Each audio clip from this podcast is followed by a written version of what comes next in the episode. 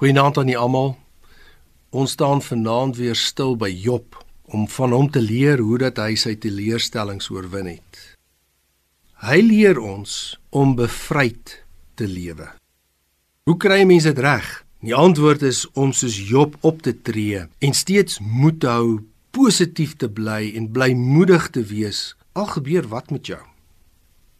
Die geheim lê in hoe ons ons verhouding met God ervaar. Job se vrou het 'n baie negatiewe verhouding met God gehad. Sy het in God geglo, maar toe dinge skeef loop, blameer sy God. Neem sy hom kwaadlik en wil hê dat Job God moet vloek en moet opgee. Sy het moontlik so bederf geraak met die goedgaan lewe dat sy eintlik van God verwag het dat hy moet toesien dat alles so sou bly. Sy voel dat God skuld haar. Toe dinge verander, het sy God verkwalik. Job het egter 'n ander verhouding met God. Job sien God vir wie God werklik is. God beloof nie 'n lewe van gemak nie.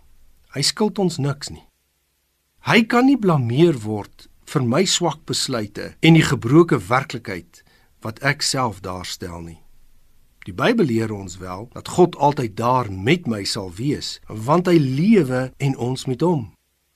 Hy sal nie toelaat dat ek bo my vermoëns beproef word nie. Hy beloof, hy bevestig. Hy is teenwoordig.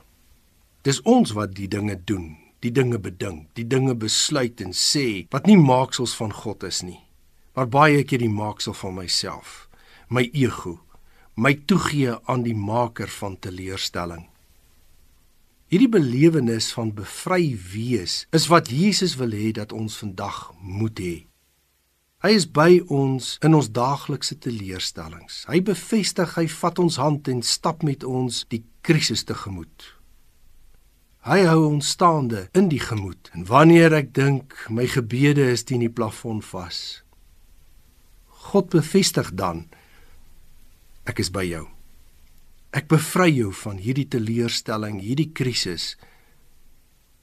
Jy hoef nie bo die plafon te gaan dat God jou kan hoor of sien nie. Hy kom onder die plafon na jou. Hy is nie doof nie. Hy is nie te besig nie. Hy werk stil en deeglik aan wat vir jou die beste is. Daarom as teleurstellings jou tref, Onthou Job se gesindheid en woorde in Job 19 vers 25.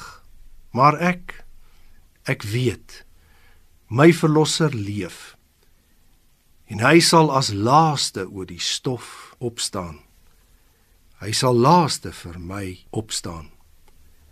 Dankie Here dat ons so ons teleurstellings in die oë kan kyk dat die hand aan hand elke dag juis daarin vir my wil sterk deur die gees. Ons bid hierdie dinge in die naam van Jesus alleen.